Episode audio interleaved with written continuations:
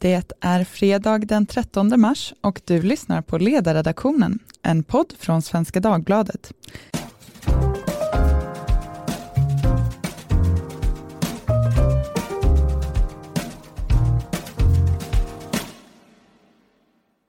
Jag heter Katarina Karkainen och idag ska vi tala om civilsamhället och dess förmåga i tider av kris. Coronaviruset är ju fortfarande på allas läppar, bildligt i alla fall. Eh, lyckligtvis inte bokstavligen ännu.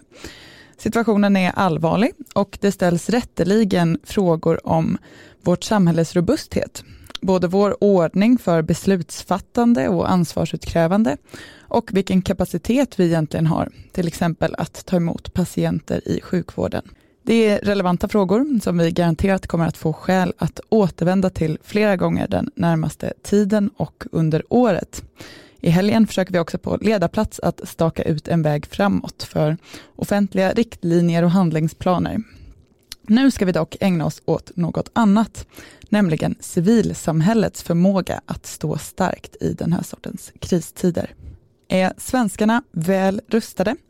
Klarar vi av att ta hand om oss själva och varandra? Och vad har den privata sektorn för fördelar eller nackdelar jämfört med den offentliga? Det ska vi diskutera denna fredag och det gör jag på behörigt avstånd från dagens gäster som finns med på länk. Ledarsidans Maria Ludvigsson, hallå hallå! Hallå hallå! och Edvard Hollertz som några av er kanske känner igen från sommarens avsnitt som numera är redaktör på Svenska nyhetsbyrån. Hallå, välkommen tillbaka till podden. Tack så mycket, tack så mycket.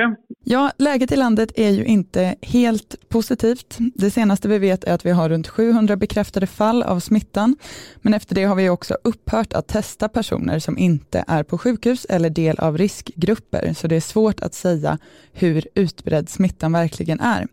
Folkhälsomyndigheten anser nu att risken för smittspridning i Sverige är mycket hög och man ser att det finns tecken på samhällssmitta. Samtidigt kommer rapporter om att sjukvården är under hård press. De officiella riktlinjerna går ut på att hålla sig hemma om man är sjuk, tvätta händerna ofta, uppvisa god host och nysetikett och undvika att röra vid ansiktet. Flera kommuner har utfärdat besöksförbud på äldreboenden. Därtill har också många privatpersoner och företag tagit egna initiativ. Företag har skickat hem sina anställda att jobba hemifrån de närmsta veckorna. Evenemang och sociala tillställningar har ställts in och en hel del personer har också på eget initiativ valt att isolera sig. Samtidigt så verkar många människor bunkra för eventuell karantän och på bilder i sociala medier syns hyllor från butiker tomma på både torrvaror och handsprit. Så min första fråga till Maria och Edvard lyder i all enkelhet. Är det svenska civilsamhället väl rustat för den här sortens kriser? Ja eller nej och varför?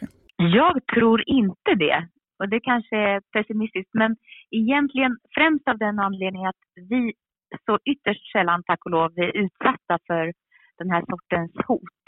Vi kan nästan alltid lita till de institutioner som finns. Och det är sällan som vi måste ty till det, det mer privata eller civilsamhällesskyddet. Och det är också, det finns, vi har heller inte någon riktig krismedvetenhet historiskt eftersom vi har varit förskonade från krig. Så vi tänker sällan eh, worst case scenario utan vi tänker oftast att det går nog bra. Det har ju varit vid några tillfällen som det har varit översvämningar i en del delar av landet och sånt där. Eh, besvärligt för många men inget eh, livshotande. Däremot så har det, vet jag, jag kommer ihåg vid ett tillfälle när man intervjuade en familj någonstans som var liksom avskärmad från övriga samhället därför att det var översvämningar. Så på telefonlinjen så frågade de hur går det för er? Och de sa ja, vi klarar oss, vi har kaffe. Och, och det, jag känner stor sympati för det, för det är viktigt med kaffe. Men det, säger, det, det blev en ögonblicksbild av eh, hur förskonade vi är från riktigt svåra kriser i Sverige. Så just därför kanske vi inte är så beredda på något sånt här. Mm, det finns ju en sån här gammal sanning om att eh, svenskarna, bland annat till följd av den långa fredstiden och den omfattande välfärdsstaten förväntar sig att det offentliga ska sköta saker, att vi kanske inte är så bra på att ta eget ansvar och egna initiativ. Vad säger du Edvard, stämmer det? Eller är svenskarna förmögna individer? Svenskarna är, är förmögna och förmögna att köpa kaffe. Jag har själv bunkrat här. Eh, för att, så här, det, det är väl så här, ja, på den där frågan. Jag tror att så här, om vi såg skogsbranden uppe i Västmanland så var det ju jättestor eh, kraft i, i civilsamhället och folk eh, från hela landet ryckte, ryckte in för att hjälpa till. Eh, nu är det nog lite svårare också för att man vet inte riktigt om man vågar gå nära folk, särskilt inte om det är någon som är utsatt och dålig. Eh, jag gick på Kungsgatan här i Stockholm idag och eh, såg hur eh, folk håller behörigt avstånd och mm. också hur om någon hostar så får personen i fråga lite så här eh, blickar kastade mot sig och folk undrar vad är det frågan om. Så blir det onda ögat. Ja. Eh, så att jag tror det är lite svårt att förhålla oss just till eh, när det är fråga om sjukdom. Det verkar ju som att många eh, till slut har tagit åt sig av den här riktlinjen från MSB som ju har funnits eh, sedan tidigare om att alla ska ha förnödenheter för att klara sig hemma i minst en vecka. Då gäller det även att man ska klara vatten och värme och liknande för andra typer av kriser. Men i det här fallet så gäller det framförallt att man ska ha mat för en vecka om man skulle hamna i karantän. Och om man går i affärerna, åtminstone här i Stockholm nu, så syns det på många ställen att det är tomma hyllor eh, och det verkar som att det, den här karantänen är någonting som människor förbereder sig på. Är det bra att människor har börjat hamstra mat nu? Ja. Ja, säger jag också då. Ja, eh, nej, jag, jag, tror det är sunt. Dels för att det har ju uppenbarligen tagit några år innan man har eh, följt uppmaningen från MSB att faktiskt förbereda sig på kris eller krig och ha nog med förnödenheter hemma. Eh, och, och, sen så Jenny Nilsson och regeringen, alltså vår landsbygdsminister, var ju ute här nyligen och sa att vår beredskap är god eh, och talade då om, om livsmedelsberedskapen. Och det klingade ju väldigt likt ett tal som Per Albin Hansson höll på Skansen den 27 augusti 1939. Eh, och eh, inför andra världskriget. Och eh, det här har ju gått till historien som lögn och dikt för att man hade ammunition för 15 minuters intensiv luftbeskjutning. Eh, men han tänkte ju såklart på maten. Att vi ska ha mat eh, när kriget kommer och det hade vi den gången. Eh, idag har vi ju inte beredskapslager och troligtvis så är det ju inte så att det kommer så här bli, bli aktuellt förhoppningsvis som ett krig att, att uh, matleveranserna stoppas på det viset. Men jag tror fortfarande det är sunt att bunkra. Mm. Eh, av egentligen en anledning och det är att vi är väldigt beroende av ett fåtal eh, lager i Sverige. Och eh, jag hoppas, men jag vet inte om, om, vad man har för rutiner för att hantera det. Eh, om man får ett eh, coronautbrott på låt säga ICAs centrallager i Västerås med eh, 1100 mm. medarbetare som på sin hemsida beskriver det som att de arbetar 24 timmar om dygnet, sju dagar i veckan för att förse, förse landets eh, ICA-affärer med mat. Eh, de har också citat eh, en puls som liknar Manhattan, slutcitat. Eh, och det blir ju väldigt känsligt väldigt snabbt. Vad säger du Mira? Du håller med? Ja, det har jag. Man vi har ju fått den här frågan tidigare och man har diskuterat det. Är det verkligen bra att man bunkrar och så vidare kött och konserver? Och mitt svar är väl egentligen bara ja, det kan ju aldrig skada. Det är inte direkt skadligt att göra det. Det är väl klokt. En del har ju det sen förr i källaren. Det finns här hemvärnskretsar där man ständigt är beredd på att det värsta kan hända. Men det har nästan varit en liten underlig rörelse, någonting som mm. eh, liksom normalt folk inte sysslar med, för man är ändå cool nog och litar till att allting ska fungera. Jag tror mm. att det är klokt. Sen så finns det också, eh, just under krigsåren, mina föräldrar, min pappa växte upp på landet och då hade man ju, dels var det ransoneringssystem som det då blev svarthandel med, men där hade man ju tillgång till eh, djur och natur och kunde klara sig på ett annat sätt.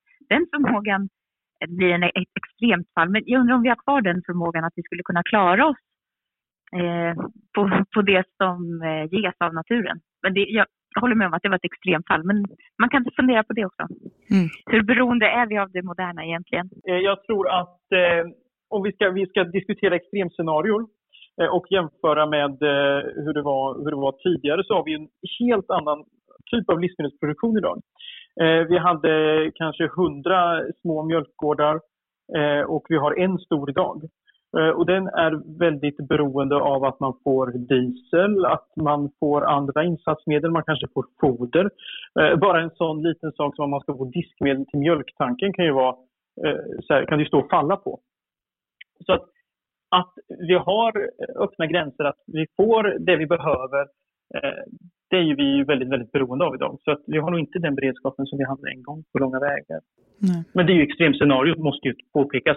Jag tror inte man behöver vara överdrivet orolig som det ser ut idag. På sätt och vis kan man ju vara glad att den här situationen uppstår i en så pass eh, Eh, Eh, så pass milda omständigheter som det ändå är nu. Man ska eh, absolut ta den här situationen på största allvar, men det kanske är bra om människor lär sig att eh, ha, vara lite förberedda och eh, ha lite förnödenheter hemma i ett eh, sånt här läge när samhället faktiskt fortfarande fungerar väldigt väl jämfört med om vi skulle vara avstängda från eh, vatten och värme eller livsmedelsproduktion. Jag tänkte också på det Katarina, just det, ibland så är prövningar, de, de kommer då och då i livet, både privat och i större sammanhang. Och det är en ganska bra sak. Så mm. det kan vara en, en stresstest kanske. Mm. Det största frågetecknet just nu är väl hur det ska gå för personer i riskgrupper som eh, kanske de kommande veckor inte kan ta sig ut själva eh, och skaffa, skaffa de förnödenheter man behöver till exempel. Och även här så eh, uppstår ju frågor om Eh, hur det är beskaffat med det svenska lynnet.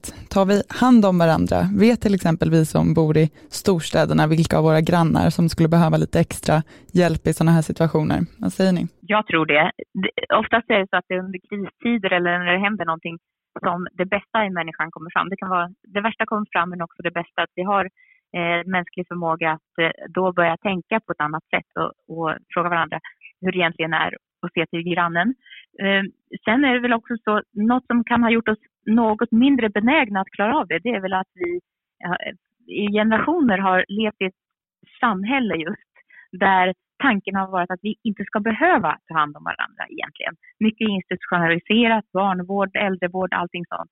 Mm. Därmed inte sagt att det är av ondo, men det gör någonting med den sociala kontakterna och det nätverket. Alltså vi, vi, vi är inte vana vid att ringa till någon eller knacka på en dörr där vi inte känner vederbörande för att höra bara att allting är okej. Det finns ju många som beskriver hur de ser barn som far illa och det första de gör är inte att prata med barnen utan att ringa till socialen. Så vi har ju en tillit till institutionerna som eh, inte kommer att räcka om det skulle hända något mer allvarligt än detta. Då måste vi kunna vara medmänniskor på ett mer direkt sätt. Mm. Vad säger du Edvard?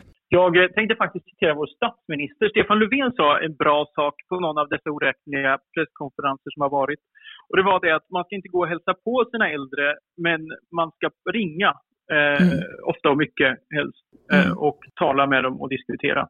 Och jag tror nog vi befinner oss i en process där vi också börjar fundera på vad som är viktigt i livet. Och det är nog särskilt eh, jobbigt för att alltså, hela den här coronagrejen gör att vi tänker kring vår egen dödlighet. Och det är någonting vi ogärna gör idag. Fredrik Lindström hade ju ett långt vinterprat om att vår tids stora tabu är ju döden. Förut var det sex. Eh, nu ska vi inte prata om döden. Eh, vi, vill inte, vi tänker att vi har vårt eget livsprojekt eh, och eh, så det är det vi följer. Så mm. ja, det gör det nog lite uppslitande men vi får tänka till på ett bra sätt tror jag. Ja, det, det statsministern sa då, att man ska ringa varandra, är fint och bra, håller jag med om. Det kan ju leda tankarna också till en mer politisk önskan att det som sker med svensk ekonomi och med svenska institutioner vid en sån här händelse eller en sån här kris, det kan ju också leda till en insikt om eh, reformer. Liknande det som var efter finanskrisen och det som kom av Assar Lindbeck-kommissionen. Den sortens strukturreformer behöver ju vi. Det kanske är sånt som kan komma som en godo utav att eh, liksom institutionerna har blivit stresstestade ganska rejält. Jag tänker ju i det här med att eh, ta hand om sig själv och eh, sina nästa, att man snarare har blivit positivt överraskad de här dagarna av eh, hur väl det svenska civilsamhället ändå fungerar. Min trappuppgång så är vi flera som har satt upp lappar om Eh, att de eh, som bor i huset som är lite äldre eller tillhör riskgrupper som man då inte känner till kan smsa olika nummer för att få hjälp med att ta hem matvaror. Och man ser ju många liknande sådana här initiativ på sociala medier i de större eh, städerna så är det väl utbrett med, med hashtags och Facebookgrupper där man kan hjälpa varandra i, i stadsdelarna. Ehm, jag tänker också att den tekniska utvecklingen hjälper i det här. Vår kollega Lydia Wåhlsten har ju uppmärksammat nätläkarna och hur de underlättar i den här krisen. Jag tänker på de bolag som ägnar sig åt hemleveranser av mat, som åtminstone vissa av dem har infört nya rutiner den här senaste veckan, som helt enkelt går ut på att man, eh, om det så begärs, lämnar maten utanför dörren och tar några steg tillbaka för att undvika smittspridning vid, eh, vid leveransen. Det här bygger ju på att eh, saker och ting i samhället fungerar naturligtvis, men ändå en sån eh, enkel sak som underlättar under de här situationerna. Det är en mycket god poäng och det är faktiskt väldigt intressant att titta på.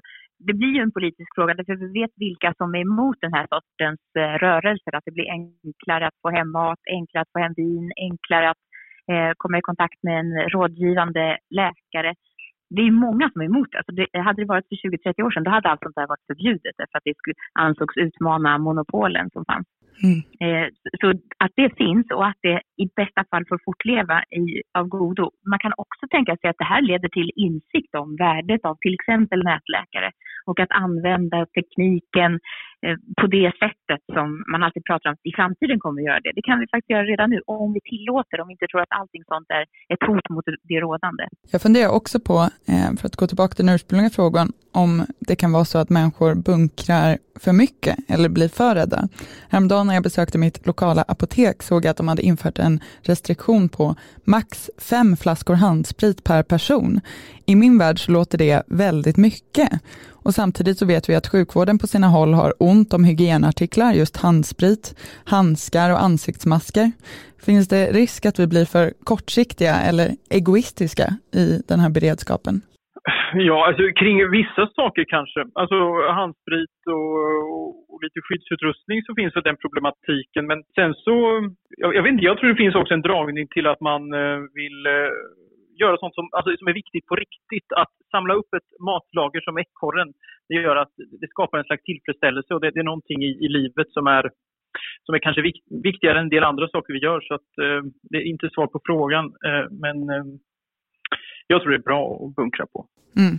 Det var ju naturligtvis en ledande fråga och på samma sätt eh, som det tidigare så har man ju också sett andra initiativ med människor som köper upp det här och skänker till sjukvården eller hjälper till på olika sätt. Så att det finns ju båda delar naturligtvis. Ett problem som jag tänkt på är väl att det är svårt att veta hur man ska göra för att göra rätt i sådana här situationer. Ehm, för att jag tror att det är många som vill det. Samtidigt så är myndigheterna väldigt sparsmakade i sina råd, vilket ju naturligtvis leder till att människor hämtar information på annat håll. Eh, de tipsen och råden kan ju på individuell nivå möjligen krocka med våra behov på samhällelig nivå och samtidigt så kan det bli svårt att veta helt enkelt vart man ska vända sig och hur man ska agera. Eller vad säger ni? Eh, jag, eh, jag tänker att det som är ehm, alltså att, att man blir för egoistisk eller eh, det, det där är nog, det, det problemet finns i, oavsett eh, vad som händer. Så det, jag tror inte det blir värre med egoismen för att det blir lite besvärligt. Det vi sa tidigare är att sådana här eh, händelser eller sådana här perioder kan ju också ta fram det bästa i det mänskliga. Så det som är det det genuint generösa. Att man, man tänker inte på what's in it for me utan man vill hjälpa andra. Så det, det, är mycket väl att det också kan aktiveras minst lika mycket som det mer giriga. Mm. Alltså, för det behöver ju inte vara en girig handling att, att köpa på sig mycket för det kan ju vara att värna den lilla gemenskapen egentligen. Man kanske handlar upp eh, extra livsmedel och handsprit för att man just tänker att det ska mm. räcka åt mamma och pappa, det ska räcka åt familj, det ska räcka åt barn och kanske grannar eh, mm. eller andra behövande. Så att, eh, om, det, om det är någonting som kanske stärks så är det de, de små gemenskaperna i det här och eh, osäkerheten är kanske snarare kring det, det, stora samhällsbygget som vi tänker är väldigt robust fast eh, det nu krackelerar på vissa sätt. Jag lyssnade på, det var en direktsändning från eh, en presskonferens med de de viktiga, mest centrala myndigheterna i detta då, bland annat eh, Skolverket, MSB och några till. Och denna svada av ord som kom ur de här respektive generaldirektörerna eller vilka det var som talade, alltså det var så mycket icke-information. Framförallt gick väldigt mycket ut på vad, som, vad man kan behöva komma att göra om det blir ett mycket allvarligare läge. Men där är vi inte än. Och så bara detta att det, det blir sådär, vi är dåliga, eller myndigheterna är dåliga på att ge exakt information. Det blir så hemskt mycket eh, ord. Alltså mm. det, det, det, finns det är inte professionellt nog. Det märks att det är människor som inte är vana vid att göra korrekta, konkreta eh, instruktioner, säga att det här är farligt, det här är inte farligt, ja och nej på de frågorna. Utan det blir väldigt löst och luddigt. Det tror jag i sig, det skapar mycket mer bekymmer än vad det ger svar på någonting. Jag, jag tänkte det här med, ja, men bekymret det skapar. Det, det är ju lite som att regeringen har sagt att eh, vi, vi, stänger inte skolan nu fast vi öppnar upp för det. Och det här lägger ett väldigt press på rektorer eh, i kommuner också som då ska fatta egna beslut om det här och eh, kanske i konkurrens med andra, eh, med vården och eh, man vill ha klara besked. Och på, på tal om det här med presskonferenser, det, det kanske är min egen eh, elaka tolkning av det men det känns som att eh, ibland så får man inblick i verksamheter som rikt, de får alla strålkastarljus riktade mot sig nu på de här presskonferenserna och det har varit så här ganska lugnt och stilla där. Det har varit marsipantårta på födelsedagar och guldklocka då och då och eh, det har ganska lugnt liv. Och, eh, Exakt så tror jag också. Precis, precis, min tanke. Jag vågade inte vara fullt så outspoken så jag var inte fullt så elak. Men det är precis den känslan att oj, det här är inget bra. De här måste ha jättejobbiga personalkonferenser för de tar tid. Just Skolverket eh, var emellertid ganska kort och koncist. Men det var en av dem som just talade om scenariot utifall att vi skulle behöva stänga skolor. Nu ska vi inte det, men utifall att. Och så hade en lång utläggning om vad som eventuellt kunde vara problem då. Det är, också, det är verkligen inte att lugna eller ens att skapa eh, insikt om läget. Nej, jag tänker, jag tänker just på det också. Jag vet att vår eh, kollega Ivar Arpi poängterade det här i något sammanhang när han lyssnat på en intervju med representant från Myndigheten för samhällsskydd och beredskap, som ju sedan tidigare har det här rådet om att man ska ha förnödenheter för att klara upp till eh, en vecka eh, hemma själv. Eh, och på den direkta frågan, bör man se till att man nu klarar sig en vecka om man skulle bli satt i karantän, svarade att det kan inte vi som myndighet säga, det måste vara upp till var och en.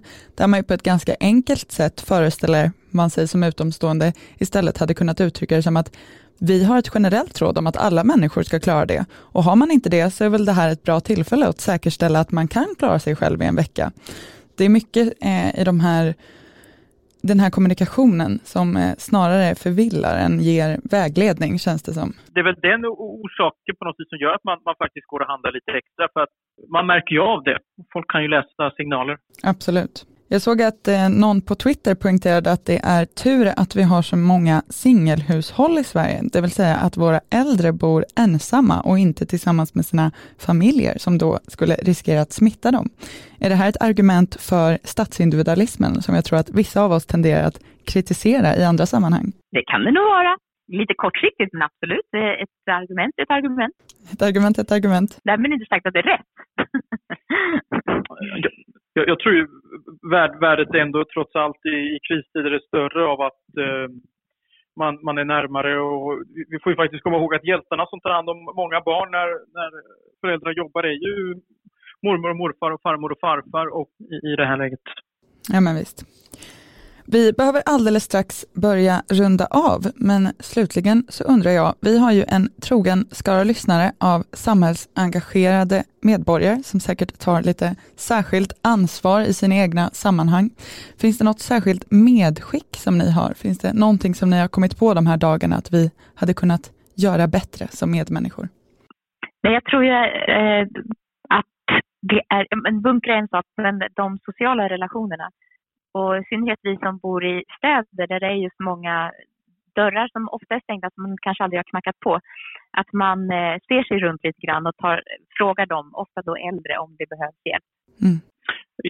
Instämmer helt också och eh, jag tror att här, visa, när det här är över, eh, kom ihåg vilka man kände att man ville ta hand om och ringa extra till och fortsätta göra det.